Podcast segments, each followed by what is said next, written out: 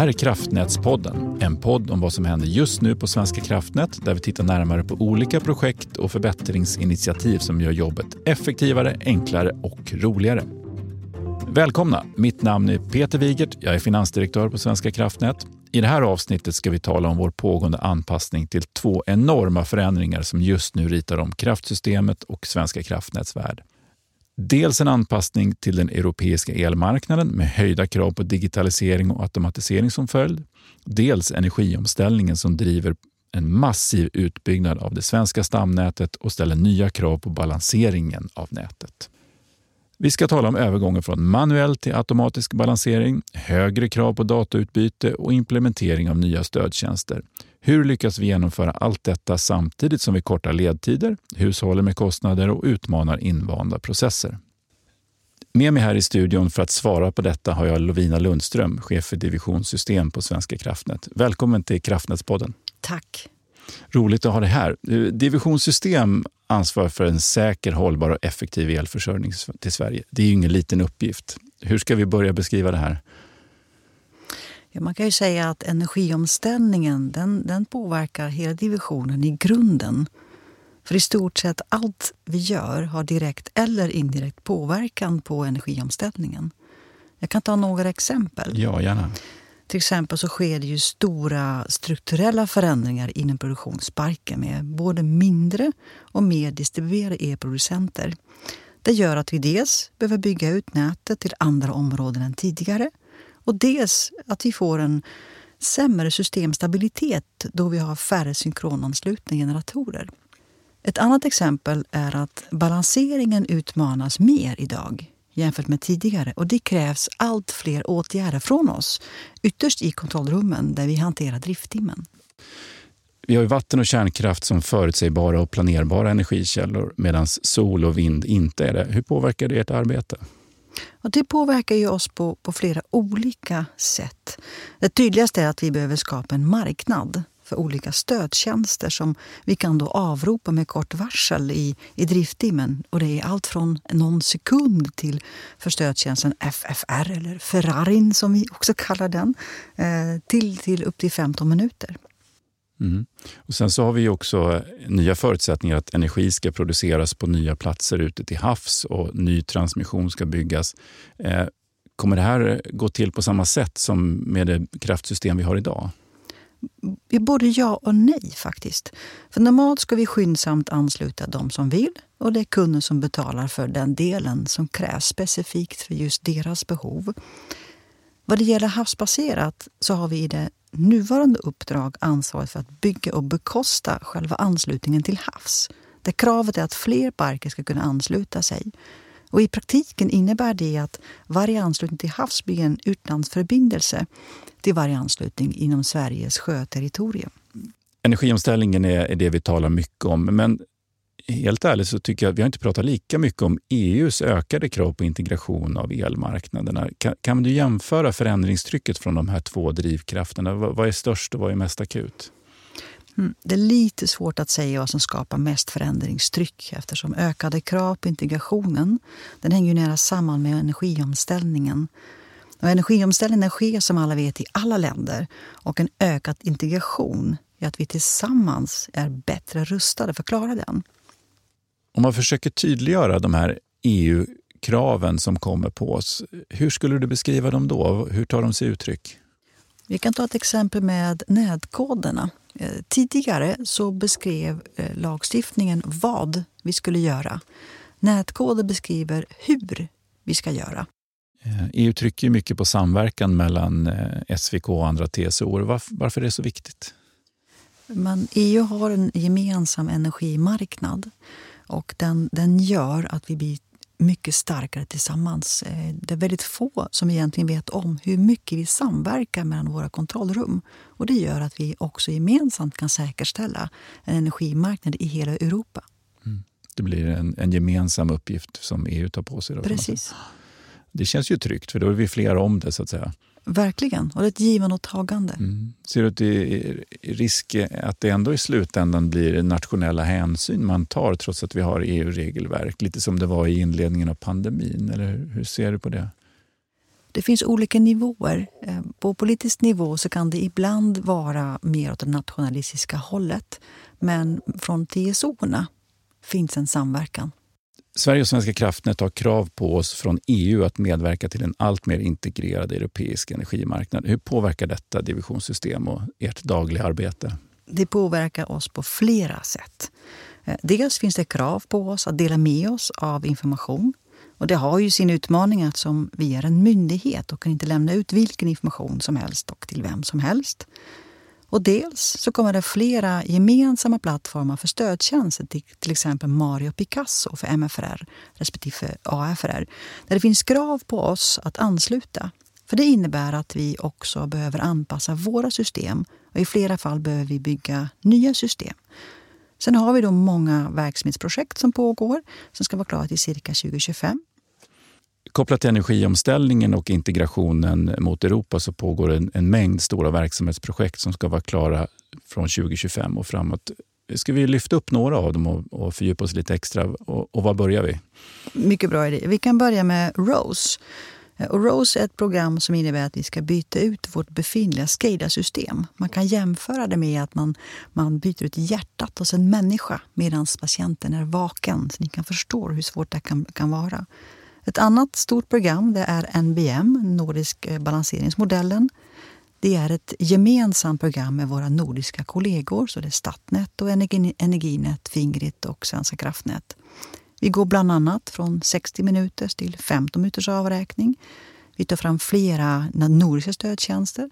Till exempel idag hade vi premiär för AFRR kapacitetsmarknad. Den gick live nu på morgonen och Finland kommer den 24 december som en julklapp.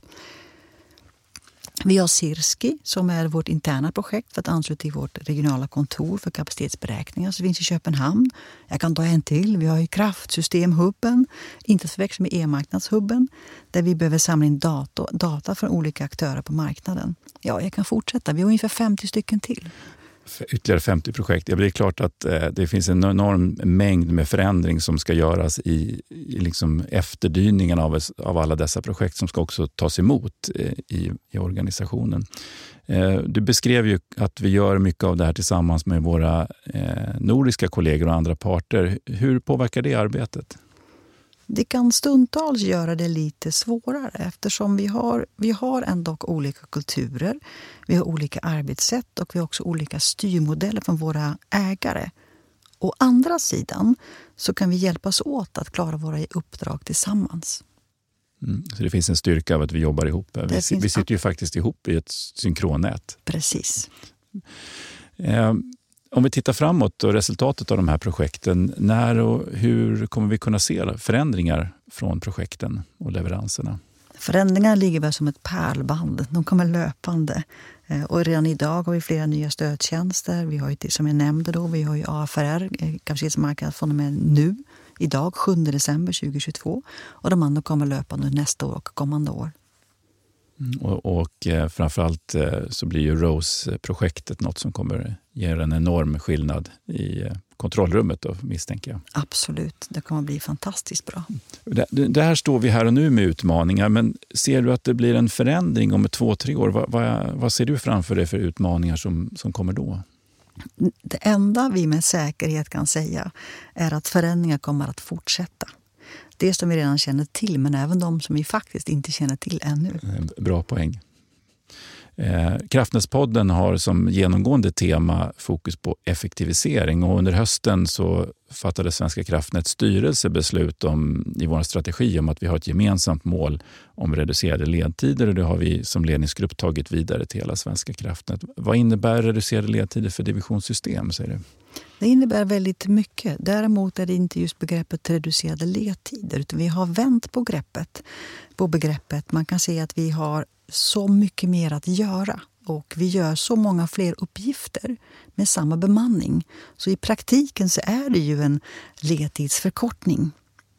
Tycker det är ett bra exempel på att eh, fokus på reducerade ledtider kan ta väldigt olika uttryck i organisationen. Att det inte bara handlar om att korta ledtid utan man kan göra andra saker som minskar tillgänglig tid. Jag kan tillägga en grej. Ja. Och förutom det så har vi i vår strategiska karta så har vi tre olika fokusområden. Och ett av dem är ökad genomförandeförmåga som hänger tätt ihop med effektivisering och, och ledtider. För vi ser en väldigt tydlig koppling till vår kultur, våra beteenden och de bromsar upp oss stundtals i vår vardag. Och det är väldigt många enheter inom divisionssystem som har tagit fram och jobbar med sina bästa bidrag just nu. Just för att kunna bidra till den gemensamma ökade genomförande förmåga. Jag är övertygad om att alla kommer att märka den här skillnaden i vår leveransförmåga. Men även faktiskt att ha roligare på jobbet. Ja, men det är ju bra, för man vill ju få mer ur händerna och man vill ju se resultat. Då är genomförandeförmåga ett väldigt bra begrepp att använda. Precis. Kul. Vi tittar vidare, så två frågor på ditt bord. Det är ju att å ena sidan jobba med utveckling och innovation och det som ska hända i framtiden. Å andra sidan drifta nätet här och nu och idag på ett säkert sätt. Är det svårt att kombinera det? Tvärtom. Faktiskt. För det finns en tydlig koppling mellan dessa och en korsbefruktning. Det är den som gör oss framgångsrika och unika.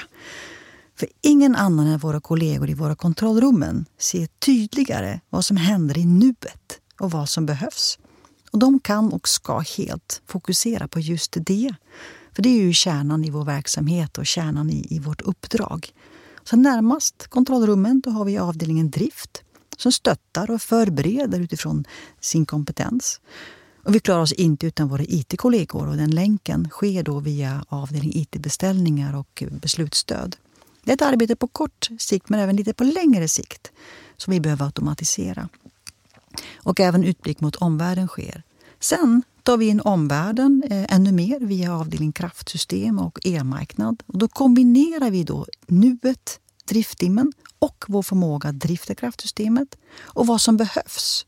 Men vi tar även in då andra aktörer såsom våra kunder, producenter men förstås även då lagstiftning. Och sen har man då det här längre perspektivet som ligger e-marknadsanalyser, strategisk utveckling. Och då har vi fortfarande det här drifttimmen i, i ögonvrån som andra inte har. Mm. Du sa en gång till mig lite tillspetsat, så här, men Peter, eh, kommer det här verkligen hjälpa kontrollrummen att hantera situationen där och då? Och Det tycker jag är en intressant vinkel på vad vi gör och vad vi prioriterar. Exakt, för mm. drifttimme kommer att återupprepas varje timme även 2045. Mm. Det är den vi jobbar mot. Vi har ett högt förändringstryck och det är många förändringar som behöver ske på kort tid. Eh, har ni fått prioritera och välja bort saker och hur har ni gjort det? Vi prioriterar nog i princip på daglig eller på veckobasis definitivt. Eh, men eftersom väldigt många förändringar är lagkravsdrivna så kan vi inte välja bort. Däremot kan vi flytta vissa insatser lite längre fram istället. För snart två år sedan lanserade vi effektiviseringsprogrammet för att jobba med effektivitet, bland annat korta ledtider, spara kostnader och skapa en större samhällsnytta. Vad har det inneburit för er i divisionssystem? Det har en väldigt stor betydelse för oss på divisionssystem. För effektiviseringsprogrammet skapar en medvetenhet. Den gör att vi använder våra pengar klokt och framförallt att se, förstå och agera utifrån vårt samhällsansvar. Mm. En nyckel till effektivitet är att tänka innovativt och utmana invanda arbetssätt, rutiner och processer. Hur gör du för att utmana det inom din division? Ja, vi utmanar oss själva och varandra hela tiden. Eh, vi arbetar aktivt med strategimotorn som jag nämnde förut, där vi varje enhet bidrar eh, med sitt bästa bidrag. Och det är verkligen bästa bidrag. Och på så sätt fångar vi alla kollegors klokskap. Vi vänder på olika perspektiv och sen ökar vi också vår effektivitet tillsammans. Kan du ge några exempel på rutinprocess eller arbetssätt som du själv har utmanat? Åh, oh, jättemånga. Men, men bara ett enkelt konkret exempel. Det är när det dyker upp en fråga, det är att jag utforskar och frågar vilket problem vill vi egentligen lösa? Hur stort är problemet? Och står i paritet med den nedlagda tiden. Det är ett sånt exempel. Mm, tydligt. Är det någon lärdom från ert, ert eh, effektiviseringsarbete eh, som du skulle vilja dela med dig av och ge som tips till, till eh, andra delar av organisationen?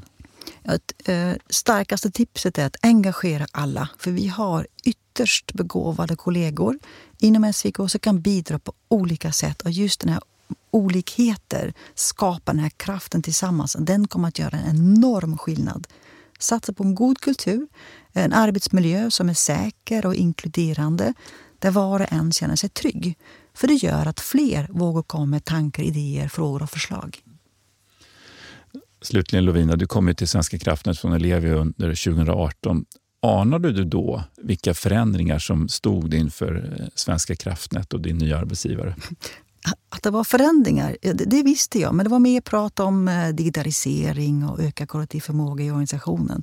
Men jag kunde inte ana att vi skulle spela huvudrollen i Sveriges samhällsutveckling. Så svaret är faktiskt nej. Det är ett mycket större uppdrag. Mycket större. Tack Lovina för att du var med i Kraftnätspodden. Tack själv, det var väldigt kul att vara här. Vårt avsnitt börjar lida mot sitt slut, men innan vi stänger butiken och släpper iväg dig Lovina så tänkte jag att vi skulle testa dina kunskaper. Är du beredd? Eh, japp. Mm. Hur mycket kostar det att producera en kilowattimme vindel? Ja, det beror på. Det beror på om vindkraften är på land. Då ligger den på 32 öre per kilowattimme. Men är den producerad till havs, då är det 53 öre per kilowattimme. Ja, men det var ju helt rätt. Stort A i vindkraftsproduktionskostnadskunskap. Tack Peter. Tack för att ni lyssnade på Kraftnätspodden. Vi återkommer snart med ett nytt avsnitt. Har du frågor, synpunkter eller tips på ämnen som vi borde ta upp? Mejla gärna till redaktionen. Adressen är kraftnatspodden svk.se.